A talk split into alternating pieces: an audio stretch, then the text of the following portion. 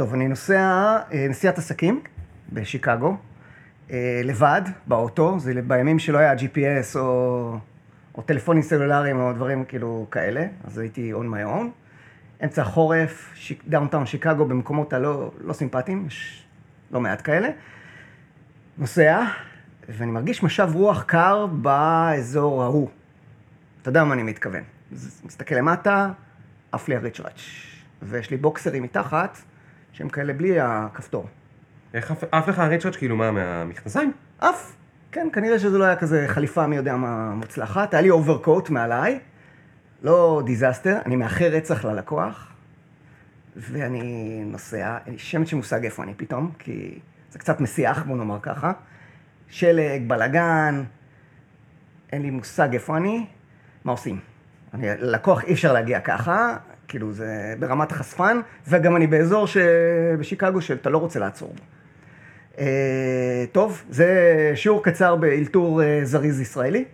עוצרים בתחנת דלק, אה, עם ה overcoat כמו חשפן, אתה יודע, כמו הפלאשרים, אה, קונה את ה duct tape, שזה ה masking tape המיוחד הזה, האמריקאי, כן. שיכול להדביק אותך, אתה יכול להדביק את עצמך לקיר בלי, בלי ליפול. נכנס לשירותים שם, מדביק את האמא של המכנסיים, מחזיק אצבעות שזה יחזיק, כאילו? מבפנים, מחזיק אצבעות שהדבר הזה יחזיק מים. אה, מבקש מפה ומנסה איכשהו להבין איפה לזה אני נמצא, ותקשיב, הדבר הזה החזיק אה, יוממה, אני, אני חשבתי שזה, שאני... אני, וכשהיית בפגישה, אני זה? מפחד, כל הז... אין לי מושג מה היה בפגישה, הייתי בטראומה טוטאלית, אבל, אבל אלתור. עבד. מדהים. אה, שלום עופר לאור. אהלן? אה, את עופר אני מכיר אה, ממש מלא מזמן.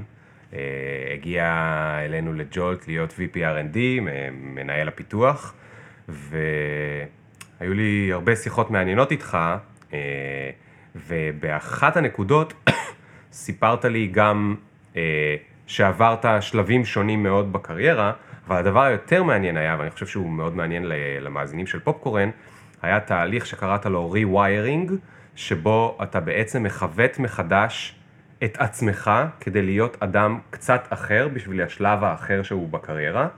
אה, וכשסיפרת על זה, זה היה נשמע קצת קיצוני, זאת אומרת, לא אמרת, אני חושב קצת אחרת, אלא אמרת re-wiring, כאילו מכוותים מחדש את המוח. את האישיות. את האישיות, כן, שזה גם משהו שקצת מאיים על ה... מי הזהות שלי וכו' וכו' וכו', נורא נורא סקרן אותי, אז רציתי שנדבר על זה. אז אנחנו גם קצת ספר לנו על לפחות חלק מהדברים שהספקת לעשות, כי עשית המון, אה, ובייחוד נתמקד בסיפור הזה של איך אתה יכול, בפוטנציאל, אה, to rewire yourself כדי לשנות את האישיות, אה, ומה זה עושה לך, והאם אתה ממליץ על זה, וכו' וכו', נשמע לי מאוד מעניין, סבבה? בהחלט. אוקיי, אז נתחיל בעוד שנייה. Yeah.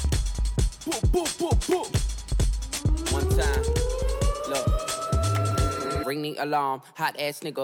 Big ass head so my dreams get bigger. Big campaign songs so my flows get sicker. מה קורה, עופר? bigger than מעולה. אז. מה, איפה התחלת את הקריירה? רגע, בוא נתחיל לפני זה, איפה אני, מאיפה אני בכלל. כן. אני קריית, אה, קריית ביאליק. אה, אתה ידעת שגם אני?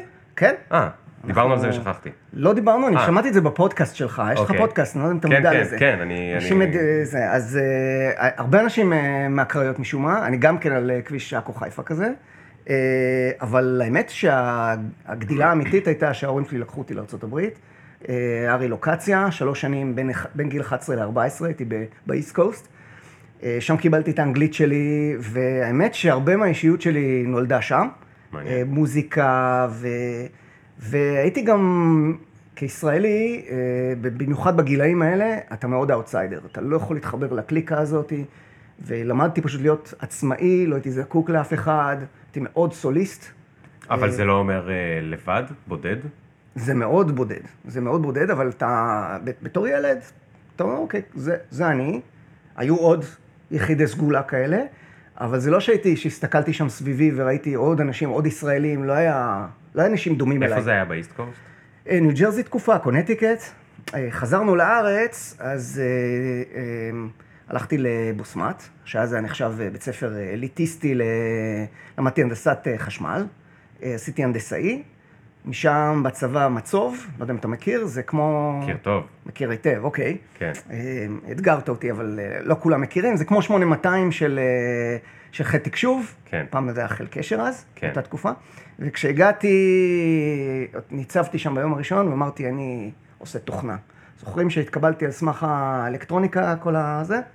אני עושה תוכנה פה, אמרו סבבה, אין לנו תקנים. אבל מה זאת אומרת אמרת? כאילו, בצבא אומרים לך מה לעשות, לא אתה אומר... זה לא בדיוק יחידה סטנדרטית הייתה, היה המון המון חופש פעולה, בתכלס הושיבו אותך, אמרו הנה אתגר, שבור את הראש, ייקח שנה, ייקח שנתיים, זה לא כל כך משנה לנו, תביא פתרון. אוקיי. אה, אז זה מה שעשיתי, רק שהפתרונות שלי היו בתוכנה ולא בחומרה. מה היית, אה, לא כדי ל- לגרום לך להרגיש מבוגר, אבל כאילו, על איזה תוכנות מדובר? זה ממש זה מזמן, עוד- נכון? זה דוס, זה לפני שהמציאו את Windows, אני זוכר כן. שהגיע Windows לצבא, אז כ- כזה מאוחר. אוקיי. אה, כן, ולא הייתי ממר"מניק, הייתי מלא ממר"מניקים, אבל לא הייתי ממר"מניק. אה, לא, התקבל, לא, לא הייתי יכול להתקבל לממר"ם, היה זה התפיסה בצבא שאתה צריך להיות עם כושר מאוד נמוך, עם אה, פרופיל ממש Mm. נמוך, בשביל שבכלל תוכל אה, אפילו to apply. להתמיין. אה, אבל הצלחתי, ובגלל זה גם עשיתי את, אה, את ההנדסאי, כדי שאני אוכל להתקבל ליחידה הזאתי. כן. התחתנתי בצבא, הייתי בקבע, אשתי למדה, אני הייתי בצבא. ו- הכרת אותה בצבא? כן, שני, ח- חברה שלה, הכירה חבר שלי, אמרו נעשה שידוך, לא הצליח. אחרי שנה נפגשנו באיזה קורס שהייתי בממר"ם. אה, נפגשנו, יאללה, נאכל צהריים ביחד, מדהים. ותפס. עבדתם גם ביחד? שום, לא. עבדנו אחר כך, אה, אוקיי. זה המשך הסיפור. אוקיי. אה, ואז סיימתי את הצבא, הייתי ככה, קיבלתי ציון פסיכומטרי מרשים ביותר, אמרתי, והתקבלתי לטכניון, ואמרתי, ואני אמרתי ככה לכל מי שסביבי, בוא'נה, כל כך לא בא לי ללמוד, בא לי לעשות, אני לא, לא, לא בא לי ללמוד. וואלה. ו... אבל זה- ב- כאילו, זה בניינטיז אנחנו כבר נמצאים? כן, אוקיי. early אבל- 90's. early 90's, כאילו להתקבל לטכניון זה עדיין היה הדבר שכאילו, זה, זה היה, זה לא, זה- מסלול מאוד נחשב. זה לגמרי, גם ההורים טוחנים לך את השכל, שתשמע, כן. הנה המסלול שלך, אתה כן. תעשה את התואר הראשון שלך כאן, כן. וזה ברור נורא שזה מה שאתה אמור לעשות. מה זה בכלל לא ללמוד בתקופה הזאת? כאילו, אתה יודע, אם אתה היית אמן, היית אומר, אני לא רוצה ללמוד, אבל בן אדם שהוא יכול להתקבל לטכניון, מה זאת אומרת לא ללמוד? אמרתי, ניקח איזה שנה ככה חופש, אוקיי. אה, נראה מה יהיה, אבל אני רוצה, זה לא שאני לוקח עכשיו לטיול, אני רוצה לעשות. אוקיי. אה, ומסוג ה opportunities שאין לך מושג מאיפה הם באו, היה בעיתון איזה מודעה שמישהו שמחפש לעבוד, כמה, אה, לעבוד תקופה בארצות הברית, מוזמן, ולא בקארץ או בזה, כתוכניתן. וואלה. כן. נפגשתי עם הבחור, בחור אה, ישראלי, הקים שם חברה אה, ב-LA, והוא היה שותף שם, חברת פרויקטים. הסברתי לו מי אני ומה אני, אה, ועשיתי את הטעות הק- הקטלנית ביותר שאפשר לזה, לשם שמושג כמה כסף מרוויחים. זרקתי לו איזשהו מספר שלא יודע מאיפה קרצתי אותו, הוא אמר, you're hired. אחר כך גיליתי שזה בערך היה חצי ממה שמקובל ב... אז הוא היה מאוד לארג', נתן לי גם בונוס אה, רילוקציה וזה, והתוכנית הייתה חצי שנה, אה, אשתי ככה תטייל, היא נורא אוהבת לטייל, היא תטייל, אני אעבוד, נרוויח קצת כסף. וכמה פגז. זמן אה, חשבת שתיסע? חצי שנה, גג. אוקיי, זה אוקיי. כאילו היה תוכנית, סמסטר שניים כזה, אני חייב לשאול, איך איך קוראים לחברה הזאת שהייתה שם? ב- אה, חברה של ישראלי, קראו לה סופטק, לא כל כך משנה, חברת פרויקטים קטנה, שהשטיק שלה שהיא הייתה שותפ, שותפה של אה, מייקרוסופט, והם היו מקבלים את כל הפרויקטים שמייקרוסופט לא היו יכולים לקבל על עצמם. אה, אז ממש היית צריך לעבור... אה, איזה סוג של פרויקט? כאילו, מה לדוגמה? דברים הזויים. אתה מגיע, ושם למדתי המון, זה בעצם היה הצעד הראשון האמיתי בקריירה מעבר לחלק הטכני שזה למדתי בצבא. ולמדתי איך מרימים, דבר ראשון, איך מגיעים ללקוח. כי בעצם אתה סוג של פרילנסר, אתה רק צוות שמפתחים מאחוריך, אבל אתה סוג של, אתה כאילו הראש חץ, אתה מגיע כן. לאיזשהו מקום, אין לך מושג מה אתה הולך לפגוש, ולא משנה מה, אתה צריך לתת פרזנטציה טובה ו... ולמכור. לא משנה זאת מה. אומרת, אתה מוכר את השירותי תוכנה. כן, אוקיי, אתה אומר, פרויקט. לכם יש בעיה, אנחנו נוכל להיות המתכנתים שלכם. בדיוק. אוקיי. עכשיו, מה... עכשיו, איזה סוגי בעיות אתה נתקל? כל דבר תחת השמש, אה, אין לא, אתה לא יכול להגיד לא, זה הפוליסי של החברה. אה, זה- כאילו- כאילו את כל הפרויקטים לוקחים. לוקח, הכ- הכל שאלה של מחיר, זה פרויקט שאין לך מושג איך לעשות את זה, ניקח מישהו שיעשה את זה, נעלה פשוט את המחיר. אז אה, זה הכל פונקציה של מחיר, ואז איך מתמחרים, איך נותנים פרופוזלס, איך מדברים עם לקוחות. אבל מה, למה אתה היית צריך לעשות דברים האלה? אתה היה, לקחו אותך בתור תוכניתן אה, מספר 7, לא? אה, מהר מאוד אתה מפילים אותך כזה לסיטואציה, זה לא שזה חברה עם מיליון אנשים, יש מעט מאוד אנשים. הבנתי. אתה מגיע, אתה יכול, אתה גם, אתה גם בצוות הזה. כן, לא, גם לך הייתה אנגלית טובה וזה. כן, ו- והקטע הוא שמחפשים פתרון טכני. זאת אומרת, אתה בא, עכשיו, אנחנו מדברים על, אה, זה היה, אה, זאת אומרת, סיימתי שם ב-97, ההרפתקה לקחה שלוש שנים, בסוף החצי שנה זה הפכה לשלוש שנים, עשיתי את כל הכסף לבית, זאת אומרת, קנינו בית ב- בדבר הזה, בלי משכנתה, אה, שזה היה נחמד. גם אשתי, ניהלתי את אשתי, היא ממרמניקית, השתעממה אחרי, כאילו אפשר להחזיק כמה חודשים בלי עבודה, אבל... אז uh, כבר גייסתי אותה למאמץ, uh, וניהלתי אותה, ובעצם... קניתם למה- בית שם. לא, קנינו פה, קניתם בארץ, בית פה. כן. אוקיי, אז כבר חזרתם קנינו. אחרי שלוש שנים. אחרי שלוש שנים כבר היה לנו בית סוג כמעט מוכן, אבל אה, פרויקטים שהיו שם, רק כדי שתבין, אנחנו מדברים על 97 שסיימתי, 95, 96 פיתחנו אפליקציות web. 5 ו-6 זה ממש מוקדם, כולל כן. דברים שהם היו self service, דברים מאוד מורכבים. אפליקציית אה, web למרות שאין עוד Chrome, אין Explor- Explorer, כאילו רק נולד. נכון. אה, אז זה היה על Explorer?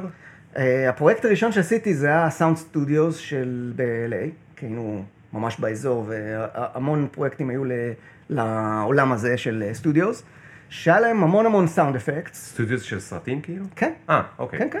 והם... עכשיו, זה, יש studios בתוך studios, זאת אומרת, יש, sound, studios, ובתוכם יש אה, המון המון גופים שלוקחים מקום. סוג של co-working, אבל ממש ב, בענק. כן. אה, ואחת מהחברות האלה פנתה אלינו, אה, בחור נורא נחמד, אמר לי, תקשיב, יש לי חלום. יש לנו, אנחנו עושים את ה sound effects לכל הסרטים הכי פופולריים בהוליווד. יש לי קטלוג של sound effects של כל דבר שאפשר לדמיין, ואני מאמין שסרטים ביתיים ייכנסו, ואנשים ירצו לערוך את הסרטים האלה בעצמם, והם ירצו גם sound effects. sound effects הכוונה היא לא כל מיני רעשים, boing וכאילו.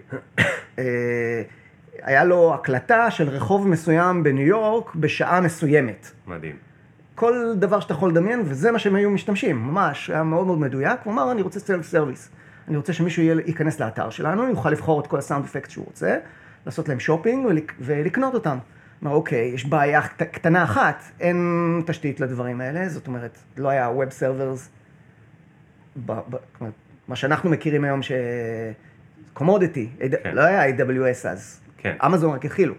זאת אומרת, לא היה, לא היה מקום לאחסן בו את כל הדברים. ולא היה תוכנה שהיית יכול לפתח, לא היה תשתית, לא היה איך בכלל לפתח כזאת תוכנה. כן. אז הייתי צריך לפתח את איך, איך בכלל מייצרים אפליקציה לווב. Mm, איך, איך, איפה הוא בכלל שמר את הסאונדים? כי אז זה, מה זה היה? היה לו קסטות? CDs? לא, לא, לא, זה, זה עדיין מקים ועדיין אה, זה, אבל, אבל כן, סטורג'ים, פשוט המון הארד דיסקים נורא נורא גדולים. אוקיי. ואז אמרתי, אוקיי, יאללה, לומדים. כמובן שאומרים כן, עוד פעם, זה הטריק הוא להגיד כן תמיד. ואמרתי כן, שברתי את הראש, מצאתי שיטה לעשות את זה עם הכלים שאני מפתח, כי מייקרוסופט התחילו, Netscape, אם אתה זוכר, היה להם התחלה של משהו, אה, אבל לא היה תשתית. אה, ופיתחתי אחת כזאתי, ופיתחתי את האתר על בסיס של הדבר הזה. האתר עדיין קיים, אני חושב שזה כבר, וואו, זה 20 ומשהו שנה שהאתר הזה קיים, עובד. וואלה. עשה כבר כמה תהפוכות, אבל האתר והקונספט קיים מאז. מדהים. ו...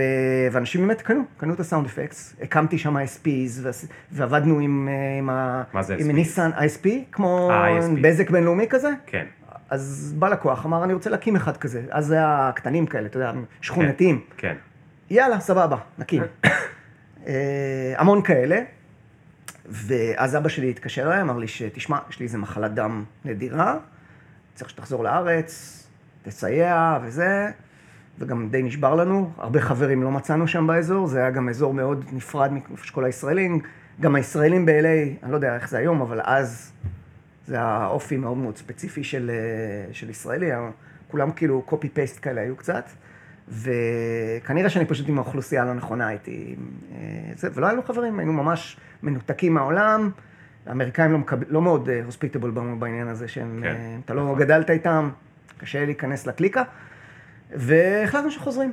חזרנו, היה לנו בית שקנינו במודיעין, עוד מודיעין לא קמה אז, זה היה רק אה, איזה שרטוט כזה על נייר, על, אה, על איזה הר, וחוזרים, והוא אומר לי, תשמע, אה, אני יודע שיש לך חלומות להצטרף לחברה גדולה ולעשות כל מיני דברים. הוא זה אבא? כן. כן. פתחתי חברה, ואני צריך אותך. בן כמה היית אז? 27, 27. הייתי כבר עם ילדה, היינו עם ילדה, אה, שנולדה בארצות הברית, וחזרנו, לנו בית, גרים ב, אצל ההורים ב garage mode, ממש. הוא אומר, תשמע, אה, ו, ובדרך כלל אתה מתחיל או עם bootstrap או עם איזשהו קצת כסף, אנחנו התחלנו עם מינוס, כי הוא לקח את כל הכסף והוא קנה את הזכויות מאיזשהו מישהו על רעיון מסוים. אוקיי, אז כל מה שיש לכם ב- ביד זה רעיון. רעיון, יש לקוח, לקוח שכבר אמר, אני מוכן לקנות, אם יהיה לכם אחד כזה עובד, אני מוכן לקנות.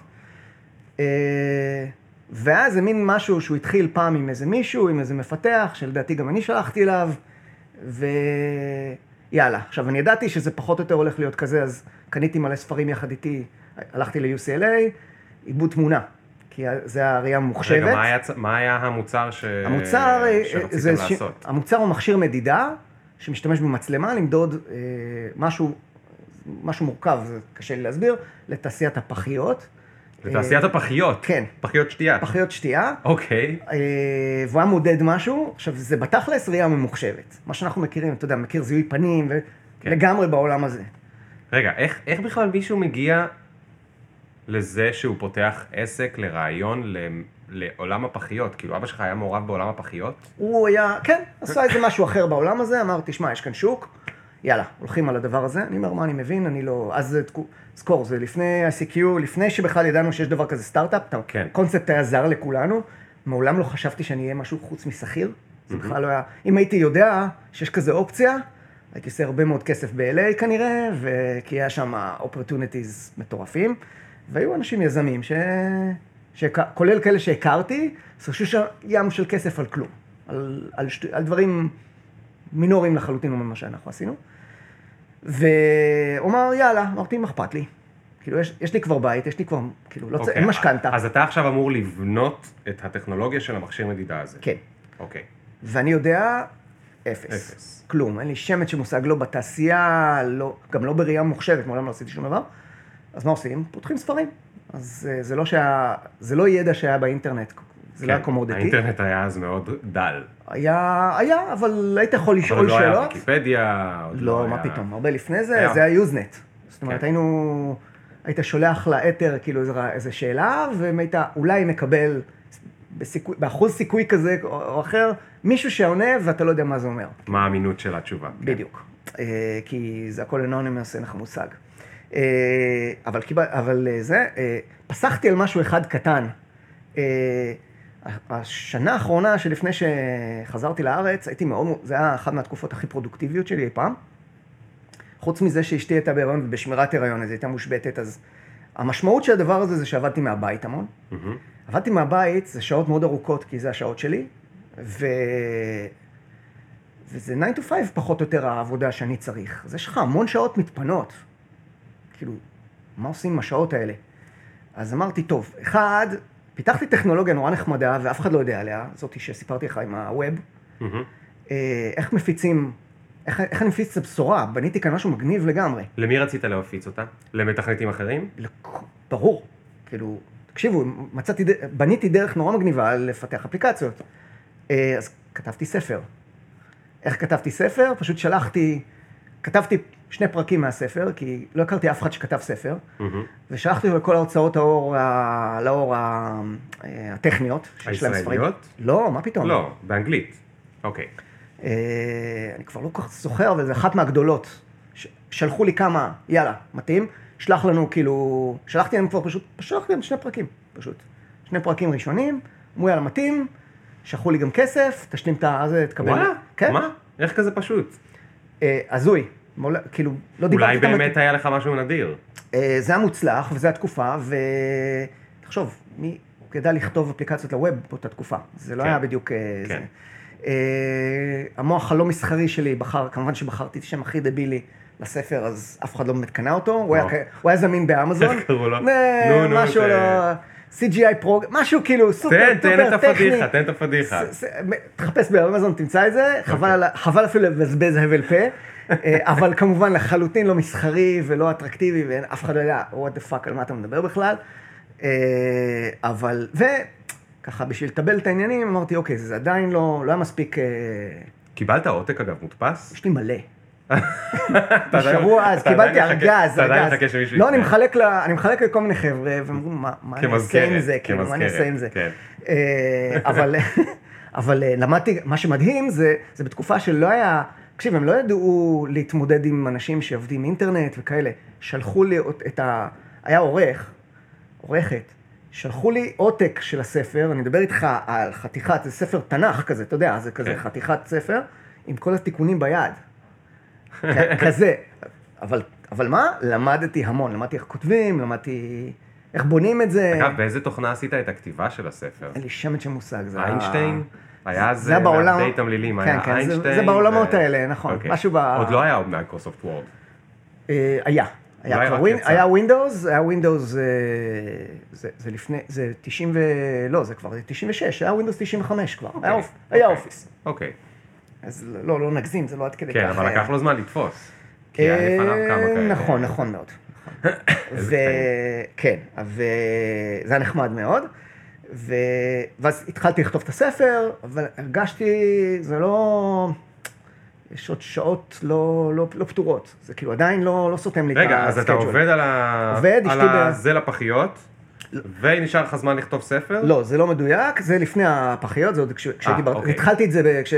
כשהייתי בארצות הברית, והמשכתי, זה קרה אבל פיזית, כשפחות או אוקיי. יותר סיימתי אז כשהתחלנו עם הפחיות. אוקיי. ו...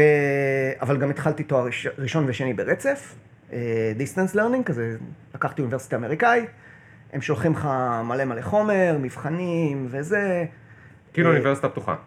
ממש אוניברסיטה פתוחה, ופשוט עשיתי תואר, הקאץ' שם זה היה, אם אתה לא עושה, אם אתה לא גומר את התואר השני, you, you get nothing, אתה מקבל את התואר הראשון והשני ברצף. למה ככה?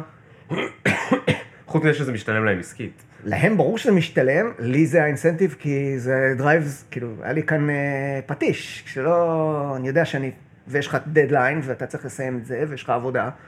זה עניין של, זה, זה השנתיים וחצי, והם גם הכירו לי בלימודים שלפני. קיצר, היה מאוד נחמד. חוזר לארץ, עוד היה לי שוונצים של הדבר הזה. עשיתי גם את זה, גם את הפחיות, ולא לי אגורה. חוץ מה... הבית לא היה מוכן, אז, אה, אז בעצם אנחנו גרים אצל ההורים, מפתחים את הדבר הזה אה, עם ספרים, פשוט יושב עם ספרים, לומד כל דבר שיש בתחום הזה, ופשוט, אה, ו- ו- ומתקדמים. והדבר הזה רץ, הצליח. האם הייתה שם חומרה שצריך לבדוק, ואיך בדקת את זה? אז כן, זה מערכות טרנקי, מההתחלה זה היה מוצר, מוצר מוגמר, עם מחשב, עם, אה, עם חומרה, אה, היינו צריכים לקחת אנשי חומרה, ולא, ס- אופטיקה, היה מצלמות שם, סיפור, סיפור, סיפור. אז כל פעם כדי לבדוק צריך בעצם להכין את זה מחדש, או לייצר את זה, או מה צריך לעשות? לא, לא, לא, היה, היה, לי, היה לי אוסף של אה, תמונות, כמו שהיום עושים אה, אה, אה, ת, סוג של ת, תיוג, מה טוב, מה לא טוב, אה, היה לי מלא, אוסף של מלא מלא דוגמאות, הייתי מריץ את, ה, את הטסטים שלי עליהם. אה, לא כך מעניין, זה עניינים טכניים, אבל, אוקיי. בג... אה, מה שבעצם קרה זה שזה היה מוצר ראשון, היה פופולרי למדי, היה לו מתח רווחים מאוד גבוה, זאת אומרת, הוא יכול היה לסבסד חברה שלמה, והתחלנו, זהו, עכשיו הקמנו חברה. מדהים. אז ואמרת, בא לי לעבוד עם אבא? כן, מדהים. בחור מאוד חכם, אה, תענוג לעבוד איתו, אנחנו גם משלימים אחד את השני, הוא, יש לו ראייה פרודקטית, מכיר את הלקוחות, הוא יותר sales oriented קצת, אה, לא sales oriented ממש, לא במובנים שאנחנו מכירים, יותר geek sales, מהמם. אבל עדיין, אה, אני בכלל לא. ואני סופר טכני, אני רוצה לשבת ככה מאחורי המקלדת, לא רוצה לראות אף אחד. אה, שים לב לפרופיל, זאת אומרת, לאורך כן, כל כן, התקופה כן. הזאת אני הייתי סוליסט. אה, או אם עבדתי, אז עבדתי עם צוות מאחורי הקלעים. אה, גם פה, הרמתי, כשהרמתי צוות, אז היה לי צוות, היה לי חומרה, היה לי אנשי אה, תוכנה, הם עבדו, אני הייתי במודיעין בשלב הזה, הם ביוקנעם, החברה הוקמה ביוקנעם, אה, אני לא רואה אותם. כל כן. התקשורת שלי איתם היא אינטרנטית אבל זה מאוד. שונה ממה שאני מכיר ממך היום.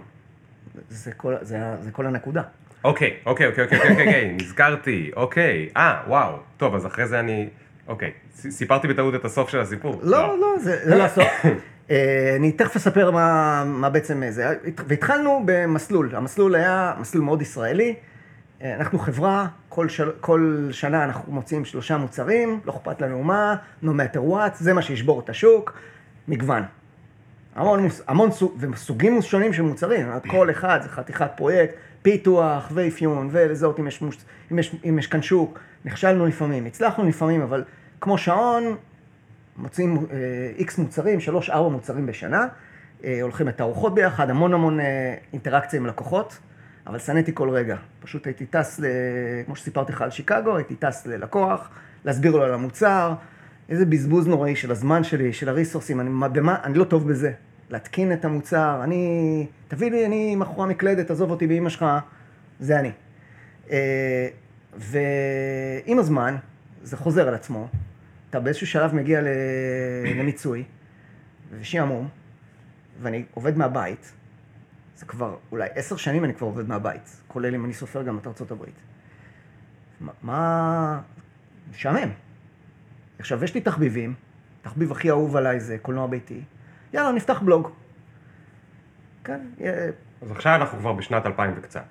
אה, כן, זה התחיל, ב... התחביב הזה התחיל לקראת 2000, לקראת 2004 אני כבר מרגיש מאוד מאוד בשל, מבין את העניינים, הרבה, כאילו, מאוד מאוד, מאוד אה, פעיל בפורומים בחו"ל, כבר מבין את ה... כבר מנהל פורומים בחו"ל, אבל חסר לי, ה... אין, אין ישראלים פה, ואני, שוב, איפה הבשורה? אני רוצה להפיץ, אני, אני יודע משהו ואני רוצה ללמד. כן, אבל מה יש ללמד בקולנוע ביתי?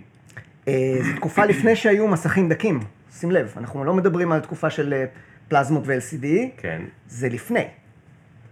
אה, אגב, זה לא הפורום הראשון שלי, עוד היה לי סמארטפונים עוד כשלפני, שים לב, זה גם לפני האייפון, אוקיי? זה ה timeline שאנחנו מדברים. כן.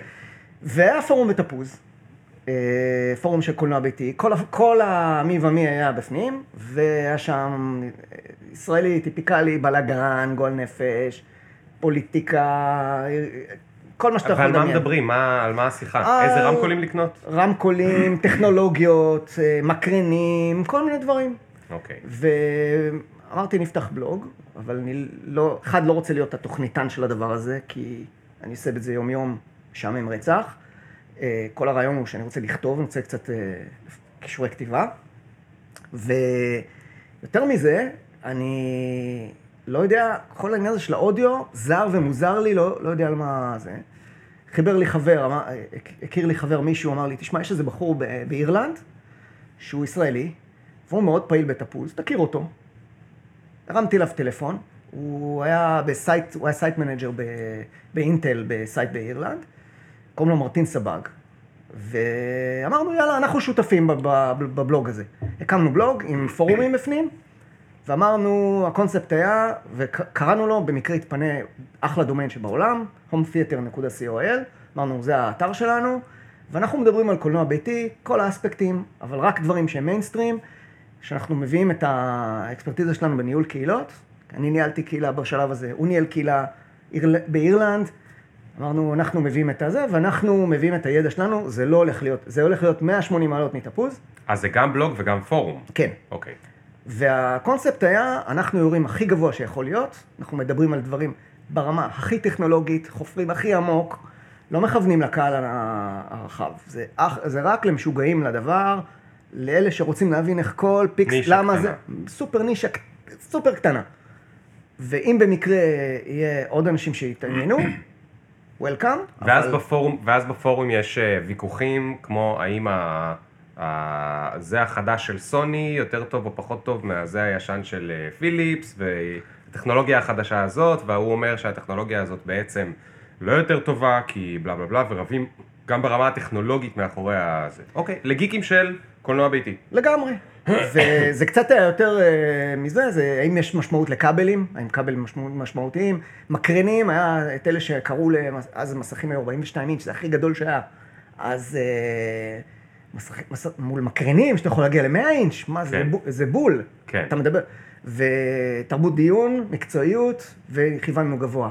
מי שלא עומד בסטנדרטים האלה, adiós. מה זאת אומרת כיוונו גבוה? מאיזו בחינה? אמרנו, הדיונים, הרמה הדיונית אה, אוקיי. והרמה המקצועיות, אין טוקבקיסטים אה, לא. מהסוג טוקבקיסטים הוא עפו המעצבן. מיידית, אבל גם, יש גם טוקבקיס- טוקבקיסטים, אבל יש גם טרולים, ויש גם כאלה שהם, תקשיב, הם פשוט לא חושבים כמוך, והם לא יודעים, אין, להם, אין בישראל תרבות דיון. אז תרבות דיון ישראלית לא עוברת. אוקיי. אה, אז יצרנו הרבה אי שביעות נחת בקהילה, נאמר ככה, אבל אמרנו, תקשיב, למה? אני- כי על כל מיני אנשים שהעפתם? כן. הם רגילים שהם אה, הם המאסטרים בתפוז, הם היו כן. מלכי העולם. כן. אז אה, טוב, אז אנחנו רצנו. היום הדבר הזה עדיין קיים, עדיין בבעלותנו. אנחנו, אנחנו אה, מארחים משהו כמו 250-300 אלף גולשים שונים בחודש. וואו. זה הסדר גודל. זה אתר מאוד ענק. אז כאילו זה ענק. כן. 250-300 אלף. למה, מאיפה כל כך הרבה? מישראל, הכל רק בעברית. לא, אבל איך זה שיש כל כך הרבה תעבורה באתר? כי אנשים שבאים, יש הרבה אנשים שבאים לשאול שאלה, מעניין אותם, אנחנו, זה טוב, זה עולה יפה בגוגל, ואנשים אוהבים, מה שגילינו זה שאנשים, אנחנו היינו מאוד טכניים ומאוד מאוד אה, לעניין ומאוד קשוחים עם התרבות דיון, זה גרם לקהילה של אנשים להידבק אלינו, Mm, והם התחילו לעזור לה, החיידק של ללמד, עובר הלאה. אז הם לימדו את השאר, כן. ויש המון פסיביים שנכנסים. כן. אז יש לנו משהו כמו 70 אלף אנשים רשומים בתוך האתר, ועוד אה, סדר גודל של 200-300 שתלוי וואו, בחודש, וואו. חודשים יותר פעילים. הרחבנו את העירייה כמובן, זה כבר לא קולנוע ביתי רק, זה כל דבר שיש לו כבל ו... ומחבר. ומרטין היה לו כמה רעיונות מאוד מגניבים, והייתי כל הזמן איתו בטלפון. היה לו טלפון אה, חינם מאירלנד, מאינטל, מטעם אינטל. ו... ואנחנו דיברנו כל הזמן, ואמרתי לו, תקשיב, מגניב איתך, בוא נגייס אותך לחברה שלי, ויהיה לנו קצת יותר קל יהיה לעבוד כיף. ביחד. כן, יאללה. חוזרים לארץ, הוא ואשתו חזרו, והילדים חזרו וואלה. לארץ, גייסתי אותו לחברה, נהיה אה, זה, נהיה יחד איתי, והתחלנו ככה זה, והיה לו כמה שריטות רציניות לבחור הזה. אחד מהשריטות היה שסקילה לא מנהלים ב offline, ב online רק, היא צריכה להיות גם ב offline, סקילה? קהילה. אה, קהילה. כן. קהילה צריכה להיות גם, ב... גם ב offline, כן. אז הוא עשה תערוכה, אני נגררתי לזה. עכשיו, יש תערוכה, בסוף, בסוף גם זה היה בהאנגר 11, כן. התערוכה אה. וואו, לא קטנה. לא. ועכשיו, הוא רצה נורא מפגשים, אז המיטאפס האלה, מישהו צריך לדבר בהם. אז הוא אמר לי, אתה טכני, אתה מדבר. עזוב אותי, אני כאילו מאחורי המקלדת. לא. זה לא בדיוק עובד ככה. אה, פתאום התחילו כל מיני חברות לדבר איתנו, הסמסונגים, היסים, ההוטים, והם רוצים גם, אה, הם, הם רואים מה אנחנו כותבים, אנחנו מבינים עניין. אז הם פתאום אומרים, תקשיב, אנחנו מאפיינים משהו חדש, אנחנו צריכים את עזרתכם, בואו תעזרו לנו לאפיין משהו. Mm. או בואו תביא, הוט למשל, נהייתם המומחים. לגמרי. שלכם הייתה הבמה, אתם ייצרתם את הבמה, אבל בזה שייצרתם במה הפכתם להיות מומחים. גם, והפרסונל, היה לנו מאוד חשוב בפרסונל ברנד, השם שלנו היה חתום על כל דבר. אנחנו היינו עורכים את זה, היינו מייצרים, התוכן הזה היה, זה היה חייב לעבור אותי. אם זה לא מספיק טוב בשבילי, זה לא מספיק טוב, נקודה. אוקיי. אה, אבל לא, זה נשמע שזה לוקח הרבה מהזמן שלך. כן, זה לקח אוקיי. אה, אחוז ניכר מהזמן שלי, אבל תשמע, אני מאחורי המקלדת, אני עובד שעות ארוכות, אה, זה לא מפריע לי, וזה תופס לי את תשומת הלב. כן. ותמיד הייתי אחד שאוהב המון כדורים באוויר. וה... והדבר הזה, אבל הדבר הזה פתאום שם אותי מחוץ לבמה. פתאום הכרתי אנשים, פתאום שמתי לב, ושמתי לב לקטע מאוד מעניין, שלפני זה לא כל כך הבנתי, יש אנשים חכמים בעולם. זאת אומרת, אנשים שאני מדבר איתם הם אינטליגנטים, מבינים עניין, אני מסביר להם משהו, מבינים לא פחות ממני. זה לא משהו ש... תקשיב, אני מדבר איתך, אני כבר, אה, כבר בשנות ה-30 שלי, ולא קלטתי את זה עד אז. מה לא. חשבת? שאנשים ממש גרועים, אנשים, זה מין, אני חייזר, אני אחר מהם. רובם לא כך מבינים עניין, אולי לפעמים יש איזה פלוק כזה ואני מצליח לתקשר עם מישהו בצורה... זה. וזה כאילו הכל מתחיל באותו מקום שאתה ילד לבד באמריקה. כן, ו- ומזה שאתה מסתכל על כל המסלול שלי, הייתי נורא סוליסט ונורא עצמאי, ו- ו- ולא היה לי על מי לסמוך. כן. אם אתה צריך לבנות משהו, אז אתה בונה אותו, לא... אין לי מישהו ש... כן, אתה צריך לשבור את הראש, ספר, אתה לומד הכל לבד. כן. ופתאום אנשים יודעים ללמד אותך גם דברים שלא ידעת אתה. ו... ואנשים חכמים, יש, יש כאלה. אה, ו... וגם מתברר שאני גם יודע לדבר איתם. זאת אומרת, הם מבינים מה אני אומר, ו... ו... ואני מעניין אותם. זה קטע.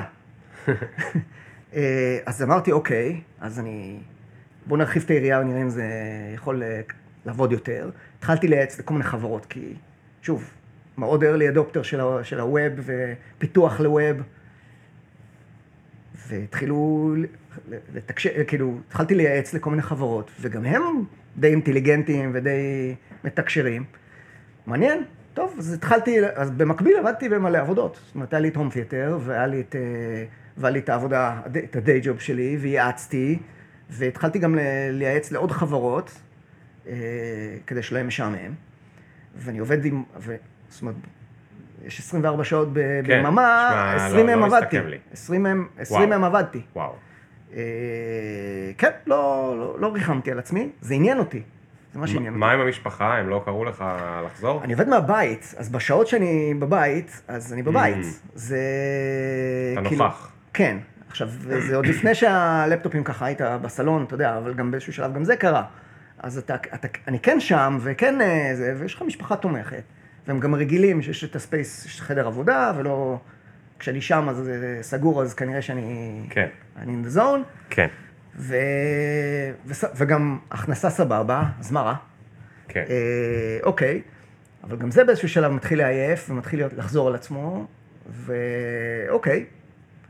אמ- באיזשהו שלב אמרתי, רגע, אני מסתכל סביבי, אני עדיין לא הכי תקשורתי בעולם, אה, אני מנהל אנשים, אבל נורא נורא ב remote, ובעצם אה, לא, לא, לא חוויתי את, העולם הזה של סטארט-אפס, לא באמת.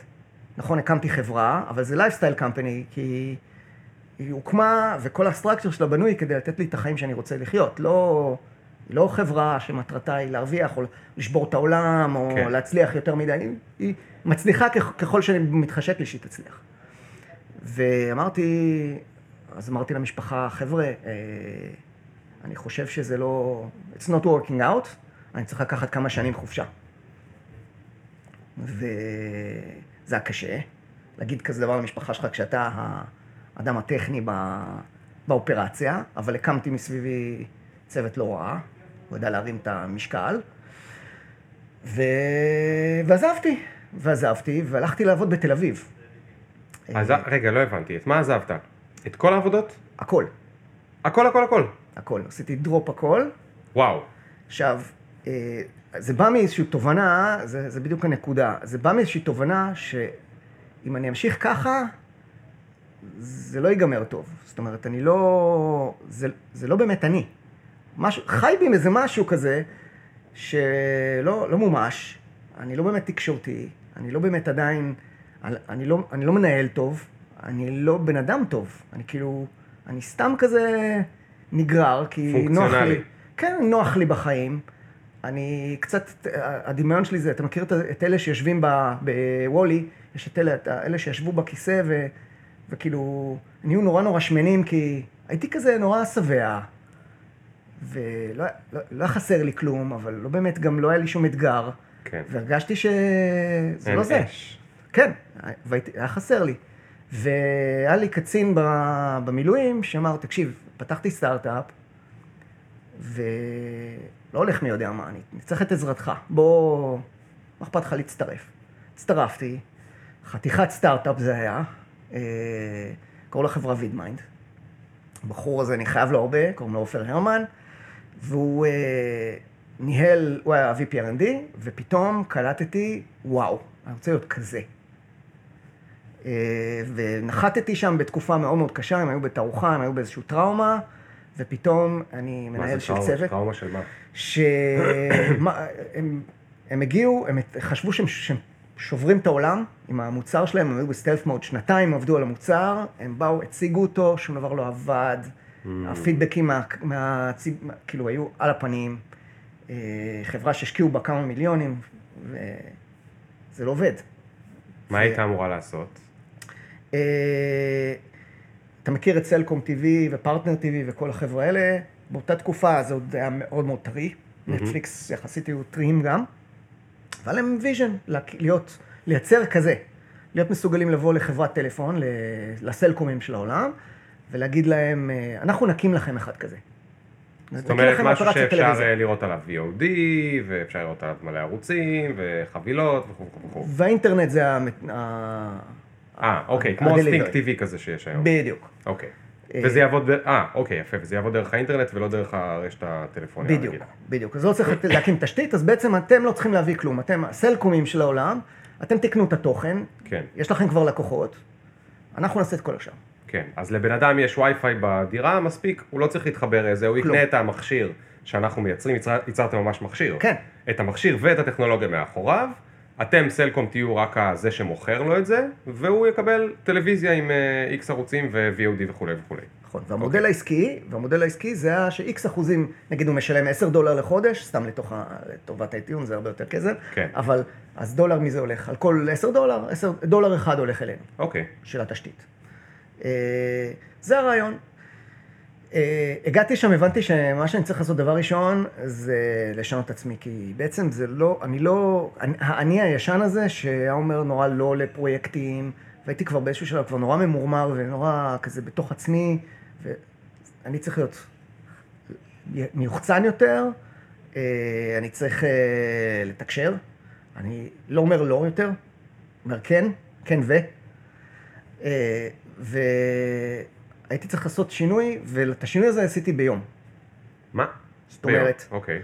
זאת אומרת, אתה, אני הגעתי, היה חברה בקטסטרופה, ואתה מכיר את זה שאתה, שמפקד, הרי מה, אה, כשאתה עושה אה, קורס בבה"ד 1, אז זה, בדרך כלל המפקדים הם, הם ילדים בדיוק כמו אלה שמפקדים עליהם. נכון.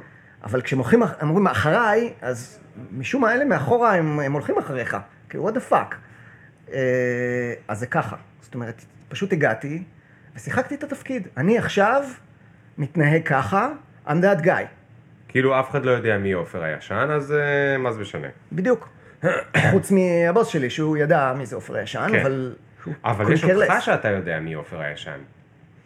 אה, וכאן צריך לעשות ממש ניתוק, כי ההביט פורמינג הזה, ההביט לוקח 30 פעם שאתה מנסה את אותו דבר, ו- כאילו, כשאני החלטתי שאני לא שותה אה, סוכר, אה, קפה עם סוכר, אז פשוט 30 פעם לא שתיתי, לא הכנסתי סוכר לקפה, סבלתי 30 יום, וב-31 זה היה סבבה לי לגמרי. כן.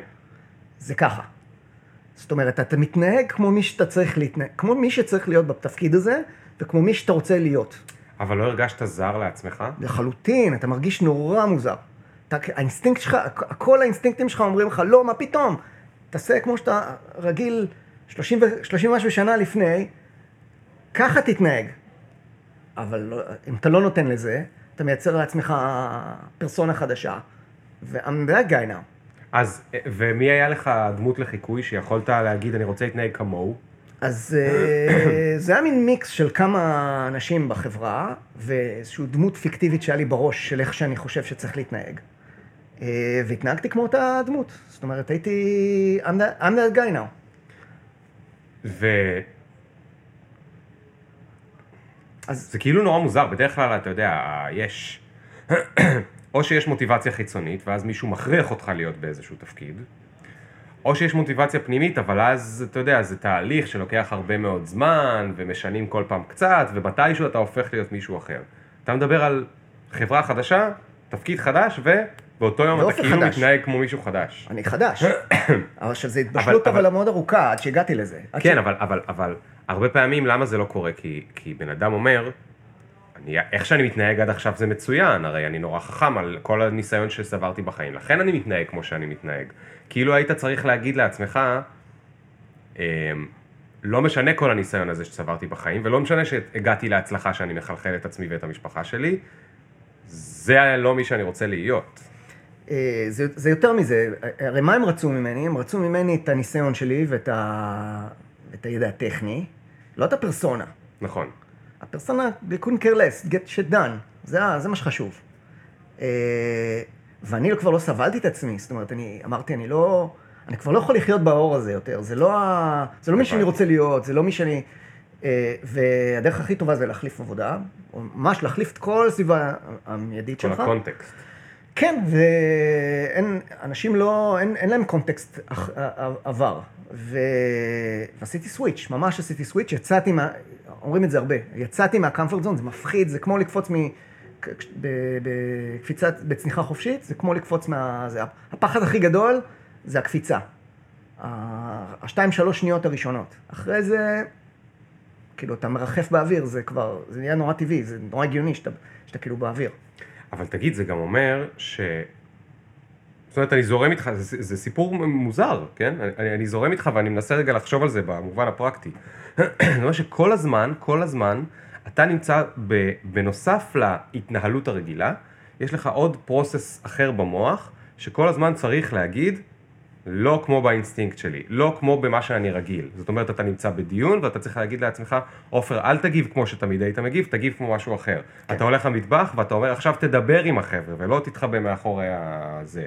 אתה, וכו' וכו', אתה, אה, אתה לא רגיל ליזום משהו, אז אתה יוזם אותו. יש משהו שאתה רגיל ליזום, אתה לא יוזם אותו, נכון? אתה כל הזמן, יש שם עבודה כאילו... בטח בחודש הראשון, חודשיים הראשונים, אה, ובורח, בור... יש פאנסים שבורחים. זאת אומרת, אתה פתאום נכנס, ו... אבל אתה כבר שם לב אליהם. אתה שם לב שאתה אומר לא מהסיבות הלא נכונות. Hmm, כי... או, או שאתה... כאילו, אני הייתי, תמיד ב, ב, בחברה הקודמת, הייתי זה שאומר, לא, לא, רגע, בוא, בוא נמדוד את זה, בוא נבדוק את זה, בוא לא נקפוץ, כי כבר עשינו את זה עשר פעמים וזה לא כן, עבד. כן. אז בוא, פה אני, אז אני מסתער על ה... אני הראשון בקו, כאילו, כן, הפוך. לוקח ריסק. לוקח ריסק אה, ותומך באחרים, ונכנסתי, היה לי כלל, אני לא נכנס מצב רוח רע למשרד, נכנס למש- למשרד, לא משנה מה היה, לא משנה מה המצב, אני הבן אדם הכי מאושר בעולם, נקודה. וכמו שאתה מכיר את הסדנאות צחוק האלה, זה ממש ככה, אתה נכנס עם חיוך כל בוקר, אומר שלום לכולם, ואתה נהיה במצב רוח טוב, לא משנה מה היה לפני, ולא משנה מה המצב, ואתה גורר עוד עשרה אנשים סביבך להיות כאלה גם. ותגיד, כמה זמן לקח לך עד שהרגשת טבעי בתוך זה? אה, זה לקח אולי שנה, משהו כזה, עד שכאילו ממש הייתי, הייתי הבן אדם הזה כבר. אה, וזה לא שאין אתגרים בעבודה, זאת אומרת, אתה לא שמה בתור אה, זה, החברה, כמו, אתה מכיר, אתה יודע, אתה סטארט-אפיסט. סטארט-אפ זה מעבר משיגעון לשיגעון, כל פיבוט, פתאום העולם מתהפך, אתה פתאום מגלה שכל מה שעשית לא שווה ואתה תתחיל מאפס פתאום, כל מיני כאלה. אה, אבל רתמתי סביבי קבוצה של אנשים, והרגשתי מאוד בבית, וקיבלתי תמיכה. וזה, וזה עובד, ובאיזשהו שלב אתה מרגיש שזה מרגיש טבעי. כן. אה, אחרי שנתיים וחצי היה, היה עוד, היה משבר בחברה, שנתיים ומשהו. סיפור קצת מוזר, אז אני לא אכנס אליו כי הוא באמת באמת מוזר. האוליגרך שהוא היה הבעלים של, ה, של הסטארט-אפ נעלם. אה, הוא ופוטין לא היו חברים. אה, וואו. כן. ויום אחד הוא פתאום קיבלנו הודעה מה... אה, שאף אחד לא יודע מי הבעלים של החברה, ולא יודעים, ואין כסף. כאילו, זו. חברה שהושקעו בה הרבה מיליונים של דולרים, והיינו באוקראינה, והיינו בישראל, היה איזה, בטח בשלב הזה 60-70 איש, ואין כסף, וחברה פורקה, ואין אז גם אין כסף פיצויים לתת לאף אחד. כלום, אין כלום. אז וואו. כאילו, מהיום למחר, כאילו, בערב גילו ה-founders, למחר בבוקר כבר הודיעו לנו. וואו. אה, הגיעו כבר מפרקים, אה, המדינה פתאום לקחה ownership על הדבר הזה, ואני כולם, חבר של כולם, אז אני גם ועד, ועד העובדים פתאום. בוא אז, אה, תייצג אותנו. בוא- כן, אז אה, זה היה משעשע, אה, אבל למזלנו הוא היה מפרק מאוד מאוד חכם, בחור אה, מאוד, אה, מאוד חזק, והוא, אה, והוא, והוא הצליח גם למכור את החברה, החברה נמכרה לטדי שגיא. אה, והביאו גם, אה, הביאו לי מנהל. אני בפועל תקופה די ארוכה הייתי VP R&D, כאילו סוג של, סוג של אה, דה פקטו, כי ה-VP R&D הקודם עבר להיות CTO, היה לו פרויקט משלו, רצה זה, ואני סוג של ניהלתי את הדבר הזה, ואז הם אמרו, תשמע, אנחנו מביאים VP R&D מבחוץ, אה, ואנחנו מאוד מעריכים אותך, רוצים שאתה תישאר, תהיה ארכיטקט מערכת. אה, ואז בעצם לקחתי סוג של אחריות על כל, ה, על כל המערכת, אבל לא הייתי אופישלי VP R&D. נורא דכדך אותי, אמרתי, מה באישיות שלי? חשבתי שאני I'm that guy. כן. כנראה שאני לא that guy, כי אם הייתי that guy, למה הביאו לי מחליף? אז הביאו לי מישהו מעליי, שזה, והבחור שהגיע, בחור בשם אה, עודד נחשון, שהיום הוא בוויקס, די בכיר, אה, איך שהוא נחת, אמרתי, אני רוצה להיות that guy. רגע, רגע, I'm the wrong guy. that guy. מה מה היה ההבדלים למשל? אה, הוא הבין מה קורה. זאת אומרת, הוא ידע למשוך בחוטים, הוא ידע לגרום ללא ולא ולא, לחשוב שהרעיון היה שלו, והם ביניהם נסגרים, ואיכשהו, הרעיון שלו, איכשהו היה מתקבל. כן. הוא היה ש- גורם לכולם להרגיש כאילו שהם חשבו על הרעיון, והם החליטו, והם זה, וכולם מרגישים בטוב, וכולם הולכים בדיוק לאן שהוא רצה שכולם כן, ילכו. הוא היה מין כוח טבע כזה. הוא הולך ככה, וסחף את כל הדבר הזה מאחוריו.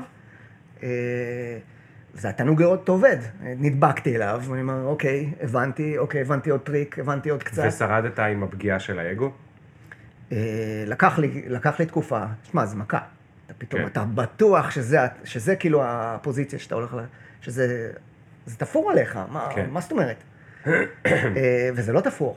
זה לא כן. תפור כי לא הסברתי את עצמי, כי כנראה שאנשים למעלה לא בדיוק ראו מה אני באמת עושה. כן. כי לא הצלחתי להעביר, לא ידעתי איך להעביר רעיונות מספיק טוב כנראה.